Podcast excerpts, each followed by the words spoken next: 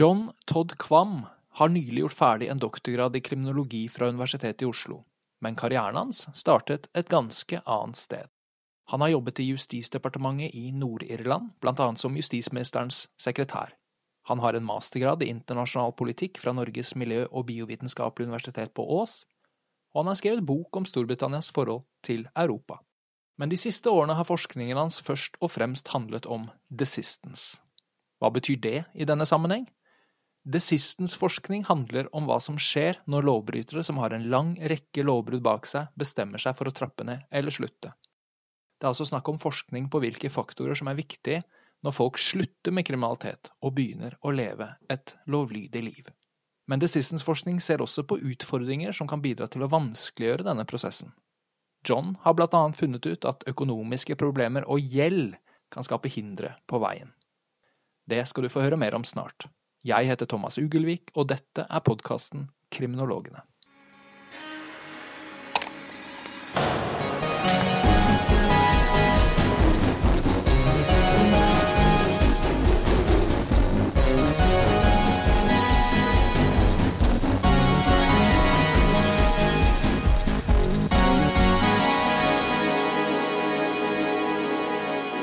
John Todd Kvam, velkommen til podkasten Kriminologene.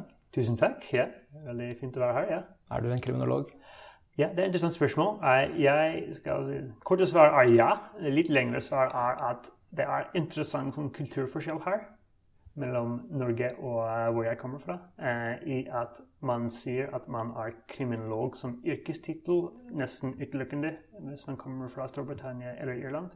Mens her i Norge man kan også bruke det som et slags identitet tilknyttet til utdanning. Uh, og det er litt annerledes for meg å gjøre det. Men siden jeg har nettopp fullført en doktorgrad i kriminologi og jeg forsker på kriminologiske temaer, da vil jeg påstå at jeg er uh, kriminolog. Og siden du får lov til å komme på denne podkasten. Ja, det Absolutt.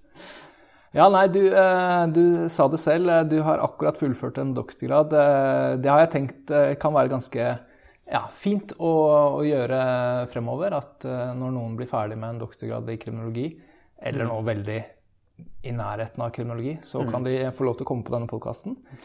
Og 30. april, det er jo ikke lenge siden i det hele tatt, så disputerte du på en avhandling som heter Understanding Desistance and Penality in Norway. Discourses, Practices and Experiences.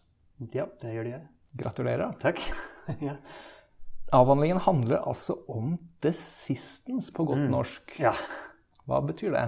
Desistance, ja. Det er et fagbegrep som er nesten umulig å oversette direkte til norsk. Og du og jeg og mange andre har prøvd, men vi har ikke kommet fram til et fint begrep. Så jeg tror det blir at desistance blir til et sånn ja, snik eh, ja, snikengelsk inn i norsken. Men ja, desistance betyr uh, for meg uh, uh, en måte å se på den prosessen for folk som prøver å komme seg ut av kriminalitet.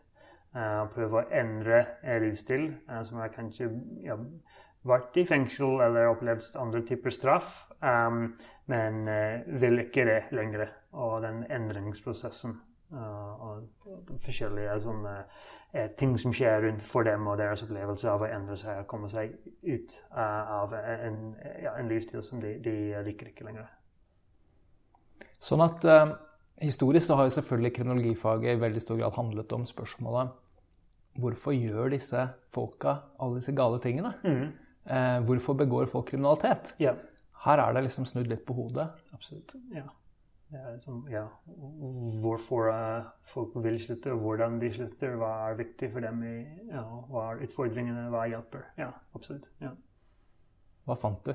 Ja, ja det, det, er interessant, fordi jeg vet det er sånn podkasten snakket bitte litt om det allerede, men det med skandinavisk exceptionalisme og sett utenfra. Og med, man kan tenke litt at OK, da blir resistance absolutt sånn veldig fint her. på en måte, At det blir sånn lettere kanskje enn i andre land fordi man har litt mer humant syn på straff, eh, sterkere velferdsstat og sånn. Og sånn tidligere liv jeg jobbet litt innad i et sånn justissystem og tenkte ok, ja, man må se på, på Norden, på Norge, eh, for å lære om hvordan man kan gjøre ting bedre. Så jeg kan ikke komme med forventning om at det skulle være en ganske fin historie uh, å fortelle rundt sånn desistance i Norge. Um, det oppdaget var ja, det var absolutt sånn uh, positive trekk med det, positive sider med desistance i Norge, men at det var utfordringer knyttet til det òg, og kanskje flere enn jeg hadde tenkt i utgangspunkt. Sånn at, eh, okay, sånn at, utgangspunktet var at uh, siden uh, forskningslitteraturen internasjonalt peker på Norge som liksom en slags sånn best case-arena mm. yeah. for, mm. for, straff og straffegjennomføring, yeah. mm. at vi, vi straffer lite og mm. relativt humant når vi yeah. gjør det osv., mm. at da må på en måte ettervern og oppfølging og, og den, den, veien tilbake til samfunnet etter straff være lettere mm. her, da. Og sånn var det ikke. Ja. Det var, det var, det jeg kanskje tenkte da jeg begynte å skrive sånn prosjektskisse før jeg begynte med, med, prosjektet. At det kan det blir mye fint å lære. Og, og det, det, er det. det er ikke, jeg tror man må prøve å være sånn balansert og, se på både de gode og de uh, mindre gode sider med det. Men uh, at ja, det var kanskje ikke Det var jeg har møtt mange folk som måtte jobbe med det over lengre tid og opplevde det som en ganske vanskelig prosess, og til tross for kanskje en ganske sterk sikkerhetsnett. Ja. Hvordan undersøkte du dette? Hva gjorde du? Hva var, mm. hva var prosjektet? Ja, Som, som tittelen kanskje indikerer, det var en flere nivåers prosess. Jeg begynte med å se på sånn diskurs, politisk diskurs, hvordan snakker spesielt eh, Eh, regjeringsministre om straff, om eh, eh, løslatelse, rehabilitering. Og, og, og så begynte vi å komme litt nærmere den levde opplevelsen av desistance ved å snakke med folk som jobbet i friomsorgen, med å drive med en del sånn, dokumentanalyse. Men så også drev jeg med en del feltarbeid på Nettverkshuset, som er et Røde Kors-tiltak for folk som eh, prøver å komme seg ut av kriminalitet. Og jeg gjennomførte sånn uh, narrativ- eller livshistorieintervjuer med en del folk som er i, nå går den desistance-prosessen. Altså folk som har begått kriminalitet tidligere, og som nå som nå prøver å ja, ja, mm, ja som man kan si bli A4, eller komme tilbake i samfunnet og, og ja, leve et, et, vanlig liv igjen. Ja. Vi skal komme nærmere inn på eh, særlig en av artiklene i avhandlingen eh, om litt, eh, og diskutere funnene der eh, i mye mer detalj. Mm. Men eh, vi får gå omveien eh, litt om deg først, tenker jeg. Altså observante lyttere kan ha merket seg allerede at du eh, ikke er født i Norge. Det stemmer. ja. Du er fra Belfast. Ja, det stemmer også. Det er jo en by for meg Jeg vokste opp eh, på 80-tallet, kan man si. da. Det er en mm. by som jeg forbinder selvfølgelig 100% og utelukkende med konflikt mellom katolikker og protestanter og, og terror og mm. the troubles, ikke sant? Ja. Og jeg forstår selvfølgelig at når man har vokst opp i Belfast, så, så må jo livet ha bestått av andre ting også. Mm. Eh, men hvordan har den, har den, erfaringen vært viktig for deg? Det, er det noe du har tatt med deg inn i eh, den profesjonelle verden? Ja, det er et godt spørsmål. For ja, eh, kanskje spesielt tidligere i karrieren min. Fordi ja, jeg vokste opp i 80- og 90-tallene i, i, Belfast og opplevde både konflikten og fredsprosessen eh, sånn ganske nært på. Jeg, uh, når det er sagt, jeg sånn, levde et nokså skjermet liv fra det sånn, direkte påvirkningen av konflikten. fordi det var ofte veldig lokalisert i noen bydeler i Belfast og andre steder rundt grensen eh, eh mellom Irland og Nord-Irland. Um, men jeg vokste opp fortsatt i et, et land som jeg opplevde mye vondt i den perioden. Men også da mer positive sider under fredsprosessen.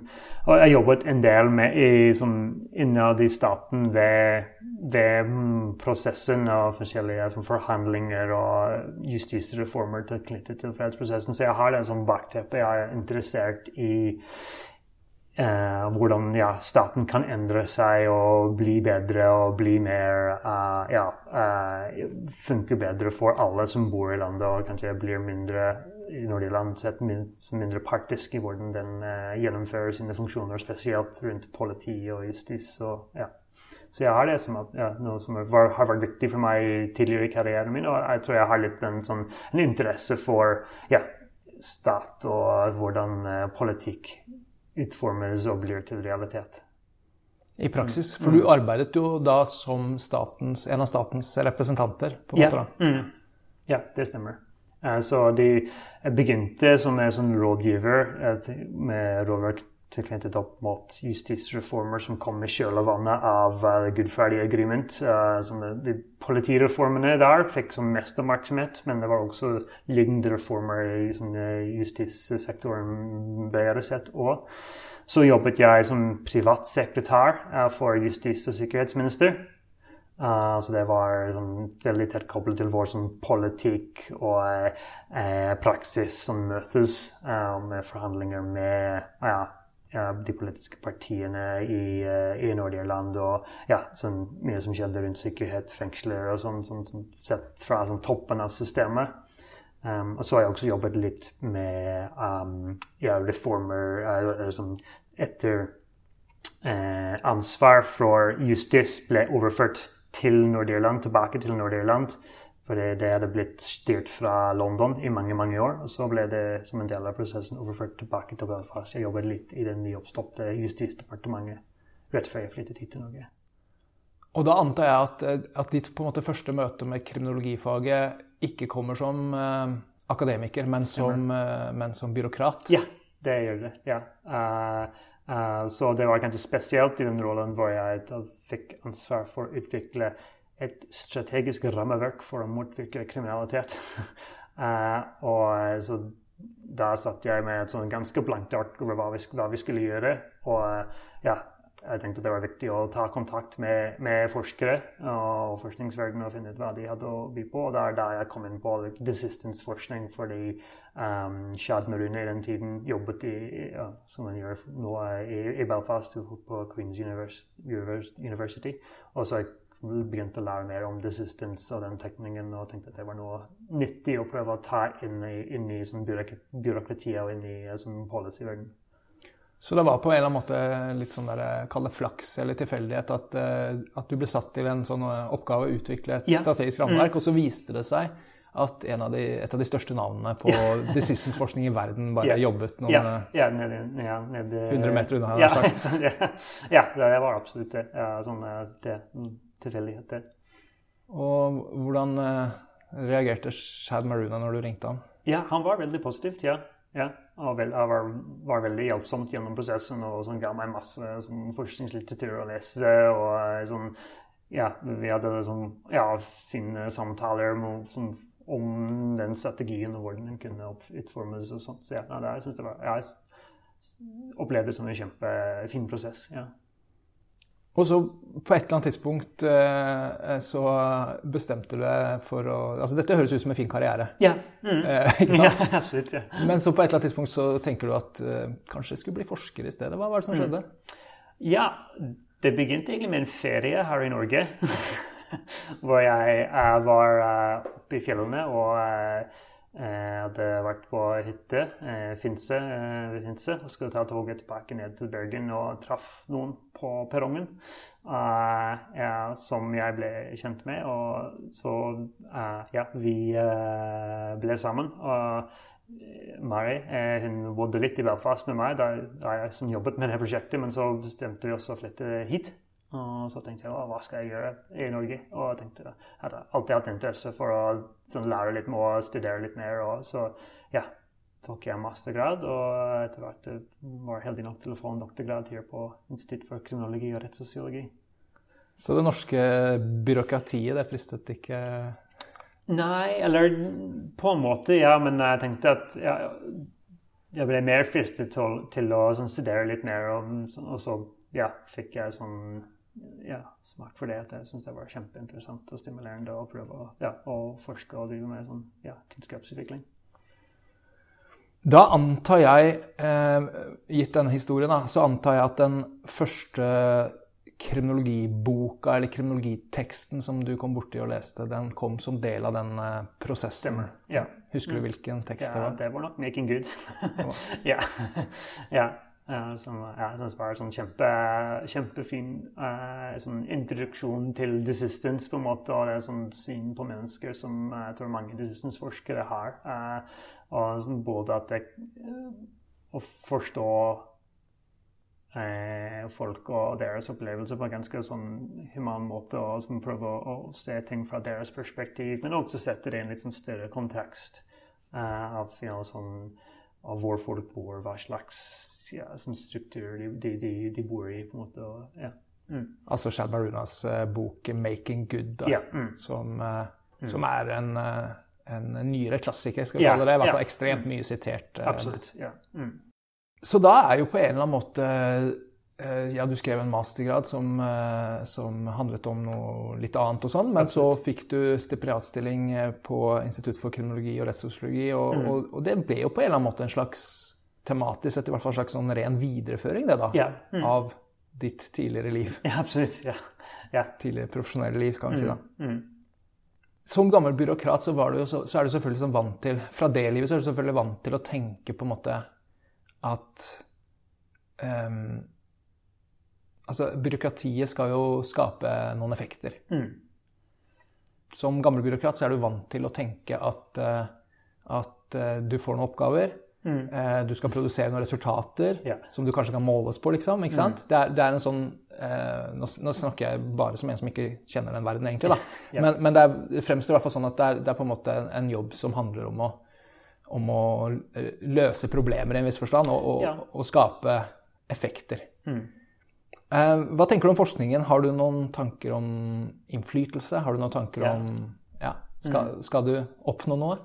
Ja, ja, jeg tenker at det er litt opp til eh, ja, individet hvordan de vil forske, på en måte. Om de vil bare fokusere sånn rent på sånn kunnskapsproduksjon og, og, og, eh, og, finne ut interessante ting, på en måte. Og, bare at det er det de vil fokusere på. Og andre vil prøve å anvende forskningen eller prøve å ja, ha innflytelse og uh, påvirke praksis på forskjellige måter. Um, og jeg tenker at um, om man har bare fokusert på kunnskapsproduksjon, det kommer ofte til å påvirke praksis uansett. Uh, uh, men det er sagt at folk som jobber innad i byråkratiet, har ofte veldig travle folk. Og, å anta at de har tid til å lese masse forskningsartikler, det er det i hvert fall. At det er noen som er kjempeopptatt med det og vil lese mange artikler, men det er mange som bare føler ikke de har tid til det. Så um, hvis man vil ha innflytelse, da, da, er det en ekstra jobb, på en måte. Ikke, jeg tror ikke det er vanskelig å ha innflytelse med å bare produsere sånn, forskningsartikler og bøker og sånn. Uh, man må gjøre noe ekstra hvis man vil oppnå noe med å påvirke praksis. Ok, Så du tenker ikke det at eh, bare vi skriver gode nok forskningsartikler, så vil verden automatisk endre seg der ute? altså? Eh, nei, dessverre ikke. nei, altså, jeg er litt også på den bagen der at eh, jeg tenker at um, um, Det å forandre verden og gjøre verden bedre osv., det er jo mm. på mange måter veldig bra sånn overordnede målsettinger å ha. Mm. Men jeg blir om Kall det kynisk, men jeg, jeg blir ofte litt sånn at jeg tenker at hvis det var det som var målet, så har jeg valgt feil.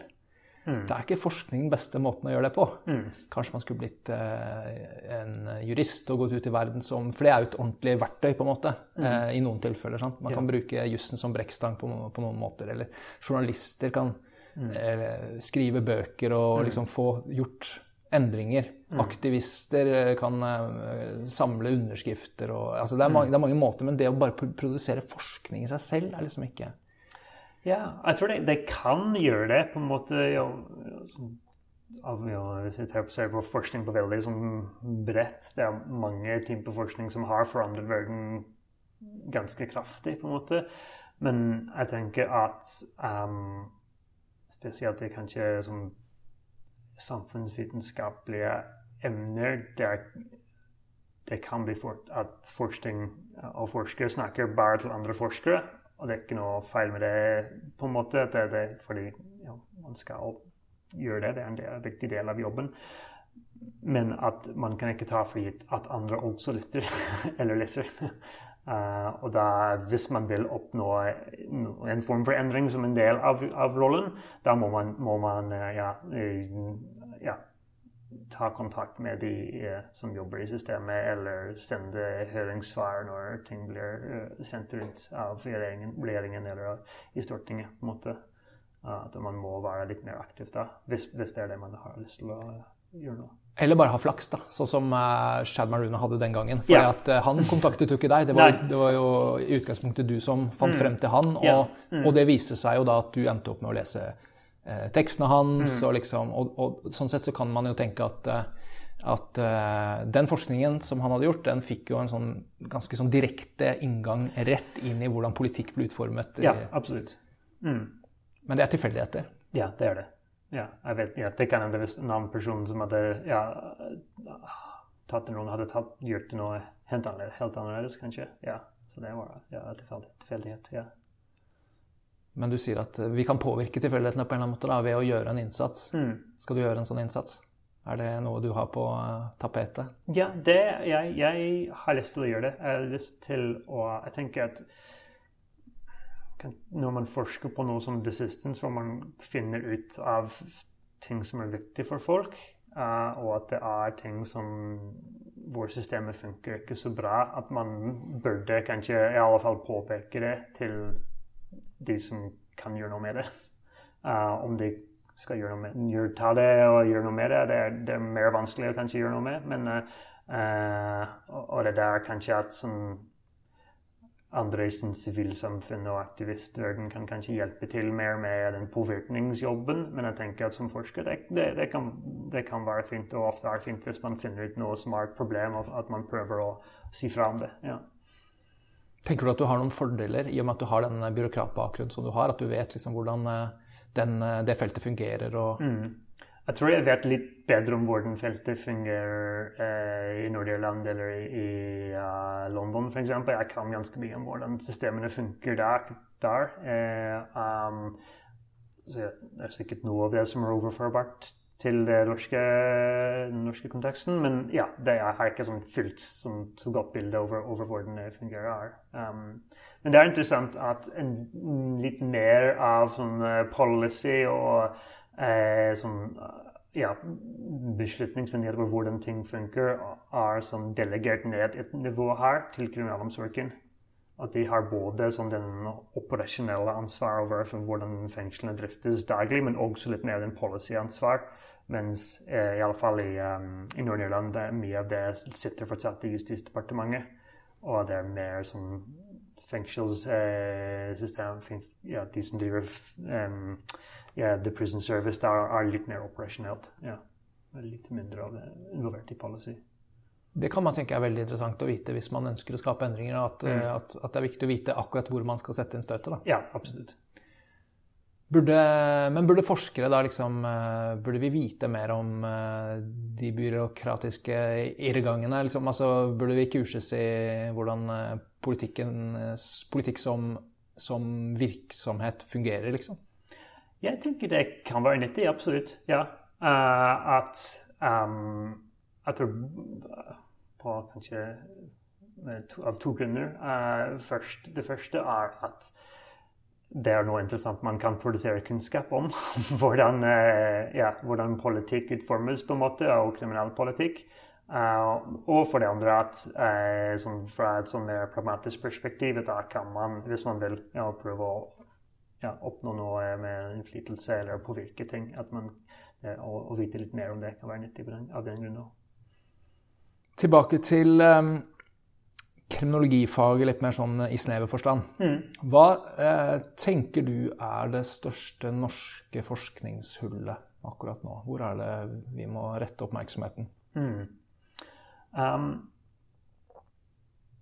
ja, jeg vet ikke om jeg vil si at det er absolutt den, den største hull, men det er en hull som jeg er litt opptatt av, i alle fall, og det er at det å Og det begynner at folk gjør det, men eh, det vi trenger å gjøre enda mer, det er å rette blikket utenfor fengslene, på en måte.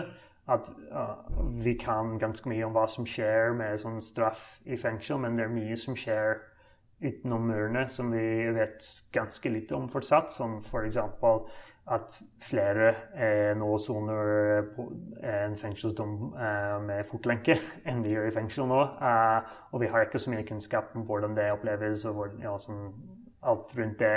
Eh, så jeg tenker at, at vi um, ja, vi har et sånn bredere blikk på straff og de forskjellige typene straff, forskjellige typene straff som folk ja, får i dag i Norge. Uh, det kan være sånn ja, viktig ting, viktig tema å ta opp i, tiden som kommer.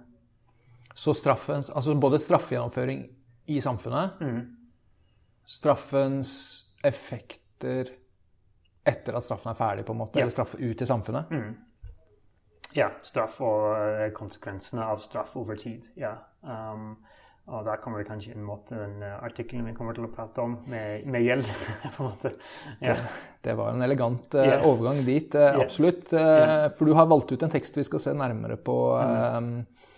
Det er en artikkel som heter 'An Unpaid Debt to Society How Punishment That Affects Reintegration and Assistance from Crime in Norway'. Mm. Den er publisert i British Journal of Criminology. Ja. Eh, hvorfor valgte du ut den? Ja, jeg valgte den for det var et tema jeg visste absolutt ingenting om før jeg begynte prosjektet. Ante ikke noe om, om det. Uh, uh, men da jeg begynte med feltarbeidet på Nettverkshuset og begynte å prate med folk der og så hva de var, drev med som forskjellige prosjekter, jeg begynte å se at dette var ja, Eh, et kjempestort problem for mange av deltakerne der. De slet veldig med å få det seg til veldig store summer som de skilte til enten inkassobyrå eller ofte enda verre til staten. Uh, og hvordan det ble oppfattet som ja, veldig vanskelig å håndtere. Og ja, ja, at det skapte forskjellige problemer for dem, både som pragmatisk symbolsk og, og, og psykologisk. Og at, at, det var sånn, ja, en side av uh, sånn straff i Norge som jeg visste ingenting om, men viser seg å være ganske viktig for ganske mange folk. Sånn at som delvis en konsekvens av straffen, og delvis mm. liksom bare eh, på ulike, litt mer og mindre uklare måter koblet sammen med straffegjennomføring, mm. uh, og, og, delvis bare tilfeldigvis også, så har de masse gjeld. Ja. Um, og det kommer på en måte på toppen av alt annet som uh, straffen ja. innebærer. Mm. Og hva, hva, slags gjeld? Altså Vi snakker om selvfølgelig Folk har jo vanlig gjeld. Uh, de har banklån osv. Mm. Eh, noen, ikke sant? Mm.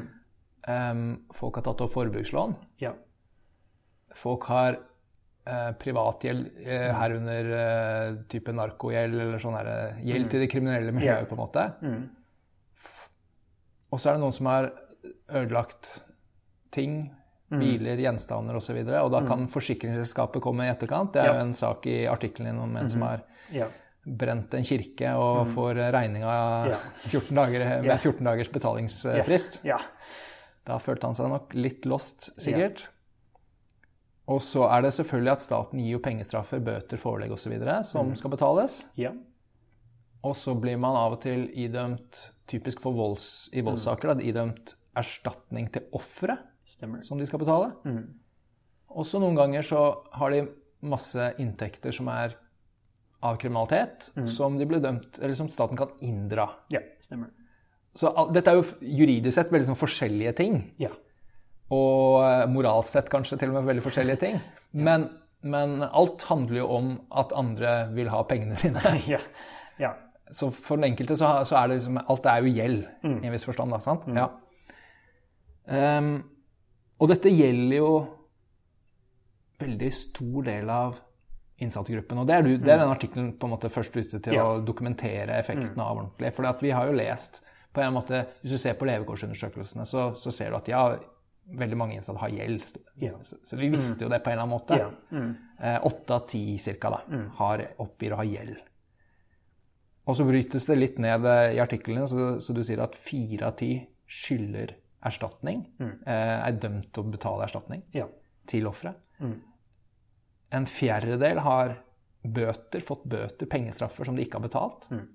En tredjedel har tatt forbrukslån, og så kommer narkogjeld osv. på toppen. Ja. Så det er jo veldig store grupper av, av de som straffes i Norge, som, som, på en eller annen måte skylder penger. Da. Ja.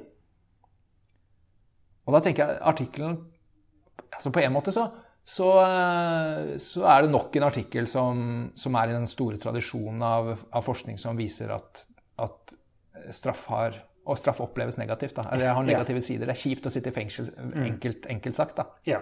Eh, og, men så utvides jo rammene litt for det, for dette er jo på en måte, delvis i hvert fall, ikke noe som direkte har med straffen å gjøre, men som kommer liksom fra sidelinjen, kommer fra, på toppen av det. Men, men, men hvis man sånn snevert har vært opptatt av straffen, så har man ikke sett det, på en måte. Nei. Eh, og også så utvides, utvides det i tid, for den der gjelden blir jo, blir jo med videre på en eller annen måte. da. Ja, absolutt. Ja. Hvordan opplevde de her folka som du intervjuet, dette her? da?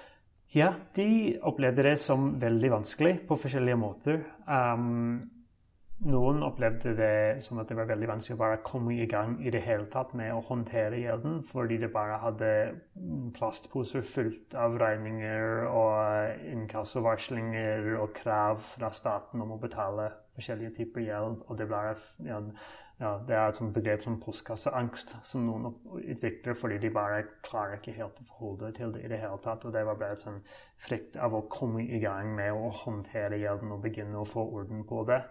Uh, så det var en del av det for dem. Det var noen som opplevde det som veldig urettferdig, at det var et slags dobbelt straff. Og de sa ok, det var streit nok at jeg måtte sone i fengsel fordi jeg gjør det, men at jeg kommer ut og har ja, millioner i gjeld etterpå, det syns jeg er urettferdig. Det er ja, dobbelt straff. Um, det var noen som opplevde det som at det var helt umulig å komme seg ut av det. De så ingen utvei, på en måte. Uh, det, er sagt, det finnes en form for gjeldssanering man kan søke om, og det er veldig vanskelig, spesielt hvis man er dømt uh, til å betale erstatning.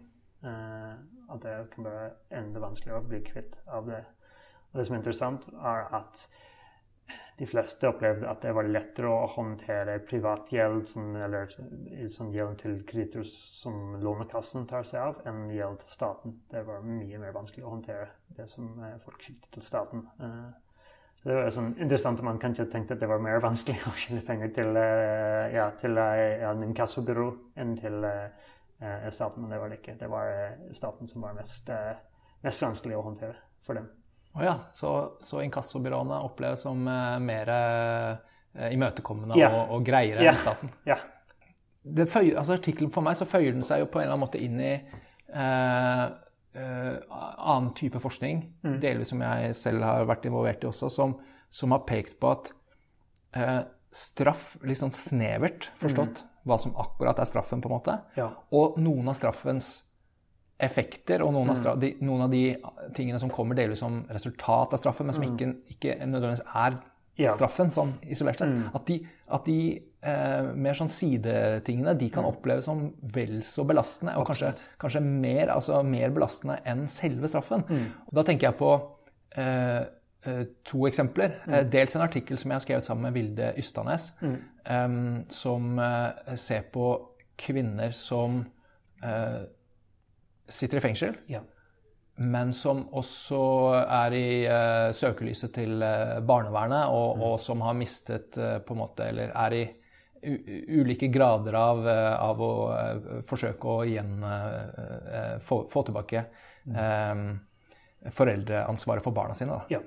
Og de liksom har opplevd selvfølgelig, eller selvfølgelig, men de opplever dette eh, med barnevernet og den situasjonen rundt barna og tap av foreldreansvar og sånn, så mye mer inngripende, mye mer belastende enn det at de sitter i fengsel. Ja. Og så, og så, og så tenker jeg også på, på en måte sånne eh, ja, politiets utlendingsinternat på, på Trandum, og folk som på en måte eh, veldig ofte, ikke alltid, men veldig ofte der, både har en eh, straffesak og har sittet i fengsel, og så blir de overført til Trandum, Ja. og så eh, har de en utlendingssak, Ja.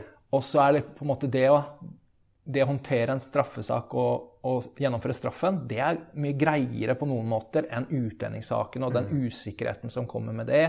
Og blir jeg deportert, ble sendt ut av landet, blir jeg det ikke, osv. Og, og den biten er verre da, på en måte enn selve straffegjennomføringen. ja, absolutt. Ja. Så jeg får liksom veldig assosiasjoner til det her.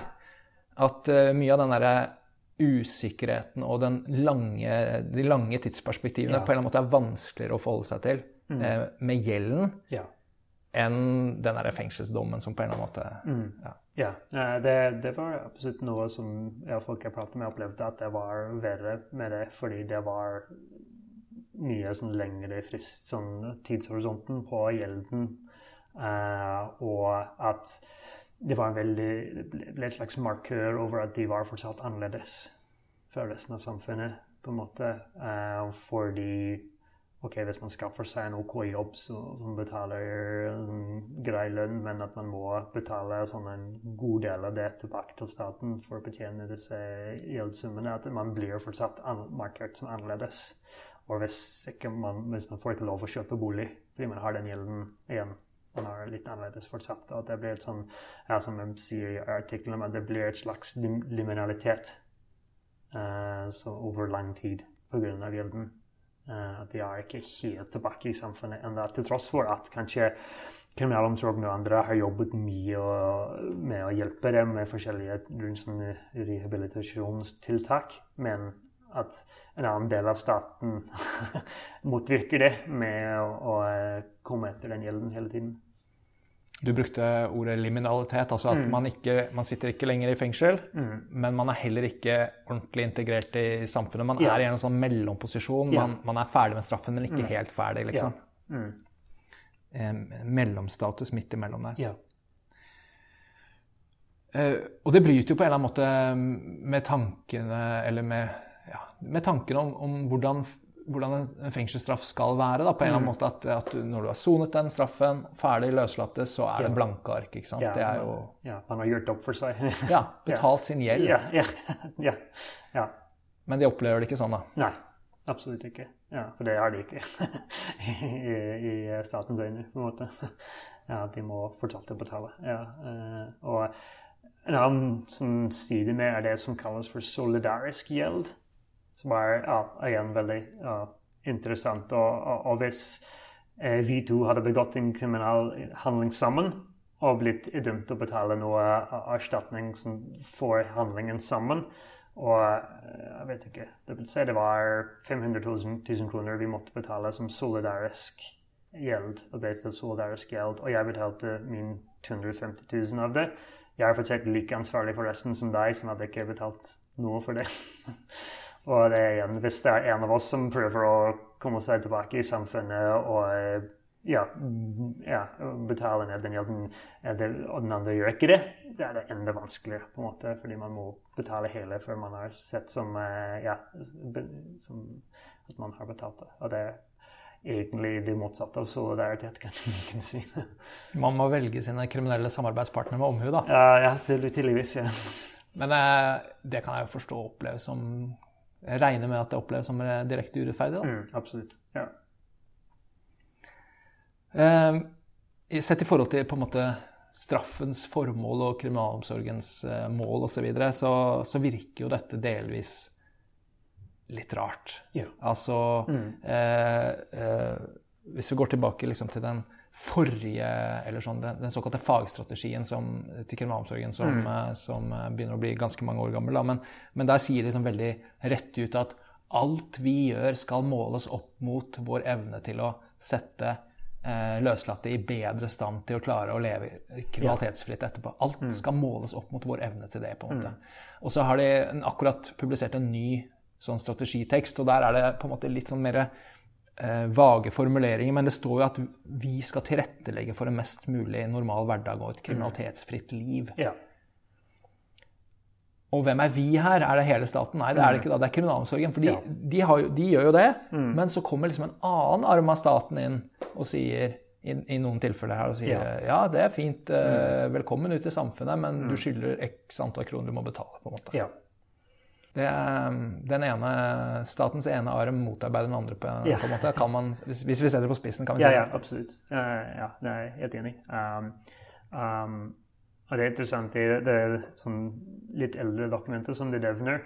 Det er en del, som, for det er veldig sånn, lang dokument og veldig grundig, og det er en historie, en sånn del i, i, om sånn, straffens historie i Norge. og, og det det, det siteres og eh, den første sånn, sånn, nasjonal lov for Norge fra 1274, tror jeg det var. Og da er det sånn gjeld blir nevnt der som at hvis man begår en drap, da må man betale alt man eier til eh, de etterlatte.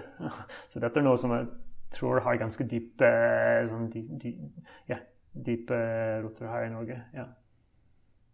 Når det er sagt, så kunne det jo vært uh, verre, for du nevner jo tilfellet Danmark noen steder ja. i, i, artikkelen mm. også. Der er det jo i tillegg sånn at uh, veldig store deler av utgiftene politiet har til etterforskning og DNA-analyse osv., det blir en regning direkte Absolutt. til ja.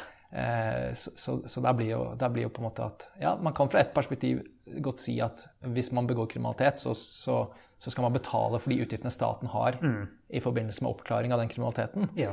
Men i forhold til målet om tilbakeføring og rehabilitering, mm. så virker jo det nokså eh, rett og slett direkte selvmotsigende. Ja, absolutt. Ja, ja, ja. Det, det, er det som Anette Olsen har skrevet en del om det i Danmark, og at folk eh, ender opp med å leve på, på utsiden av samfunnet, for de vil ikke bli sånn sporet opp av myndighetene fordi det er så vanskelig å betale ned gjelden de, eh, til staten i Danmark. Så ja, ja det er absolutt uh, ja, ja, eh, deler enn det er i Danmark. ja. Altså resultatet blir, og det finner du vel delvis kanskje noe i ditt eget materiale fra Norge mm. også, at, at man, man, får et insentiv til å ikke oppgi, altså, ikke oppgi hvit inntekt. da. Mm. Fordi at hvis man gjør det, så kan, så kan deler av inntekten trekkes rett ja. til mm. statskassen. Mm. Ja. Men eh, OK, sånn at eh, det, fra, fra, et visst perspektiv mm. så er det lett å si at dette er, eh, dette er kontraproduktivt. eller ja. sånn. Altså, det mm. virker, dette virker eh, i motsatt retning av, av tilbakeføring ja. på en god måte. Mm. Men hva skulle man gjort, da? Altså eh, skulle man, Skal staten begynne å betale privat gjeld for mm. folk, da? Eller skal, skal vi bare ettergi ettergi ja. det folk skylder? Mm. Ja, det, jeg tenker det er forskjellige måter man kan gjøre noe med det. Uh, man kan tenke liksom front door, back door-løsninger her. Uh, at ja, hvis jeg skulle få bestemme, jeg hadde nok tatt voldsoffererstatningen helt inn som en statlig virksomhet som staten betaler. Og hvis jeg blir utsatt for en voldshandling på gata f.eks., at staten kan betale den erstatningen til meg fordi det er liksom staten som, er, som det er brudd på den sosiale kontrakten jeg har med staten. At OK, da kan staten betale den erstatningen til meg. Uh, og hvis man tenker mm, ja, men kanskje bør, man burde ikke gjerningspersonen også betale noe, siden de har gjort noe galt. Uh, og jeg er ikke nødvendigvis helt imot det i prinsipp, men, men da bør det være et annet system og, som domstolene driver, og det må tas hensyn til betalingsevner der. For ellers er det, er det som du sier, helt kontraproduktivt. Og hvis jeg hadde gjort noe der med at domstolene må ta litt mer hensyn til betalingsevne når de dømmer erstatning eller oppreisning, uh, det kunne vært ja, uh, ja, veldig hjelpsomt å unngå disse latterlig store summene som folk bare tenker nei, jeg klarer aldri å gjøre noe med det, så hva, hvorfor skal jeg begynne en gang? på en måte. Så det er nå en side av det, det vi gjør sånn, sånn for å unngå at disse store summene kommer i utgangspunktet. Og på den andre siden kunne vi gjøre det litt lettere og litt um, ja, mindre byråkratisk å, å få gjeldssanering. Uh, og, og, det kunne vært noe som man jobber litt mer med innad i fengslene. på en måte, At det kan være en del av tilbakeføringsprosesser i samfunnet. Uh, at det kan være en sånn mer direkte del av straffegjennomføringen. på en måte, At man jobber med, med gjeld. Og både å prøve å jobbe med søknader om gjeldsnæring, men også hjelpe å forhindre at summene bare hoper seg opp mens man sitter i fengsel fordi man har glemt å, å eh, um, kansellere en sånn mobilkontrakt eller noe sånt. sånn at man kan sånn unngå at sånn privatgjeld bare hoper seg opp i, i tillegg. Ja, jeg tenker Det er forskjellige ting man kan gjøre, både som frontdoor med å slutte å gi så store erstatningssummer til folk, og også backdoor med å gjøre det lettere å komme seg ut av gjelden i tillegg. Det er mitt inntrykk at det uh, nok fins uh, kontaktbetjenter der ute som, som gjør Absolutt, en del ja. sånn jobb mm. også, men ja. at det kanskje kunne vært enda mer systematisk. Ja, mm. Mm. ja. jeg tror det er, det er, litt sånn tilfeldig over om man har sånn, blitt fått opplæring i det uh, eller ikke, og om man er engasjert i det eller ikke. Men jeg tenker det kunne være noe som er litt mer systematisert. ja. Ok. Um, vi begynner å nærme oss en slags um, slutt på dette her. Um, jeg pleier å uh, Jeg har fi, fem sånne uh, ordpar eller dilemmaer som uh, mm. du er nødt til å ta stilling til ja. før du får slippe fri. Mm. er du klar? Ja. Kvalitativ eller kvantitativ? Ja, kvalitativt er det jeg driver mest med, men jeg prøver å sette det i en kvantitativ kontekst når det er relevant. Som f.eks. med hjelpeartikkelen. Jeg prøver å bruke en del statistikk for å sånn sette opp problematikken, men så bruker jeg kvalitetsanalyse for å se liksom, hvordan det oppleves. og sånn. Så du prøver deg på en litt sånn ja takk, begge deler-løsning? Ja, litt, ja, litt rådig på den måten. Ja. Mm. Vi får se hvordan dette kan, kan gå. ja. Avvik eller sosial kontroll? Da vil jeg si uh, sosial kontroll. Hvorfor det? Um, jeg tror fordi jeg er interessert i uh, sånn politikk, kriminalpolitikk og sånn strukturelle rammer for uh, folks liv og hvordan de opplever ja, sånn desistance og andre aspekter av livet. Så ja, da må jeg, må jeg si at hvis jeg skal prioritere én, det blir sosial kontroll. ja. Du har jo også en bakgrunn som en som har utformet sosial kontroll. Ja, litt, ja. Disiplin eller interessefellesskap, det handler altså om kriminologifaget. Er, mm.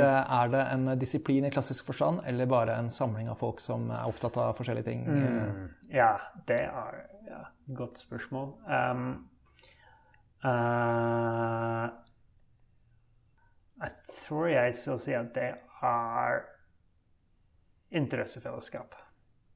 Mm. Uh, jeg tenker at Men jeg tror det, det er litt sånn i grad mange fag, på en måte, fordi vi, alle fag vi ser at mange forskjellige perspektiver, eh, fenomener, møtes, på en måte. Og da blir det, ja, om det er multidisiplinære trekk, det er en interessefellesskap fordi vi driver med eh, så mye forskjellig. Dette har du vært inne på eh, egentlig indirekte ganske mye, men mm. um, Vitenskap eller, eller politikk?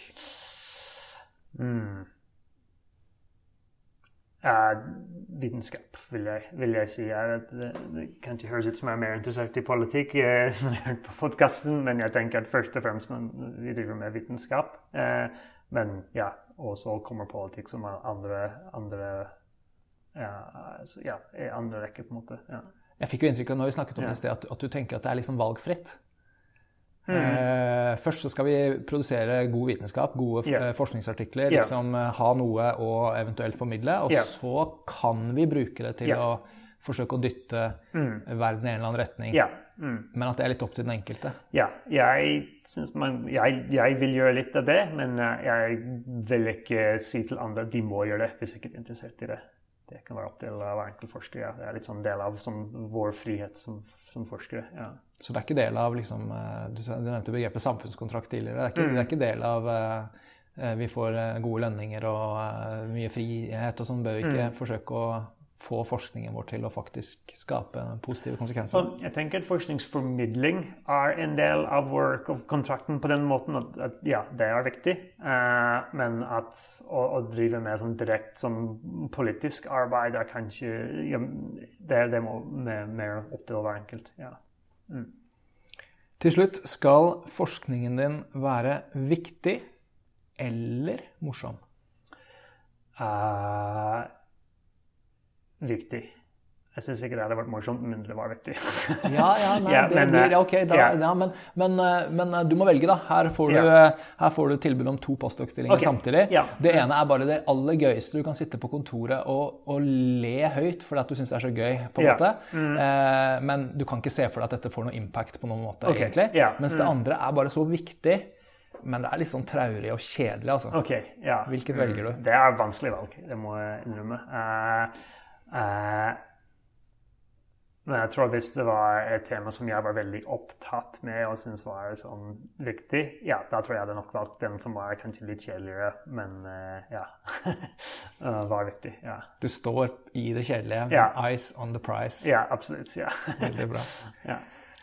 Hvor går veien eh, videre, John? Har du noen planer? Jeg har lyst til å fortsette å forske. Uh, ja, så uh, jeg er på utkikk etter som ja, postdoc eller forskerstilling, hvor jeg sånn, kan uh, jobbe videre med desistance-forskning og andre sånn, tilknyttede temaer. Så ja, jeg er litt sånn ja, åpen for hva som kommer, egentlig. Ja. Mm. Da er det bare å ønske lykke til. da. Vi, jeg krysser fingrene for at det går, går i orden. Ja, ja jeg òg. Tusen takk for muligheten til å bli med på Kriminologene. Veldig morsomt. Bra. Takk for at du tok deg tid til å være Ja. med.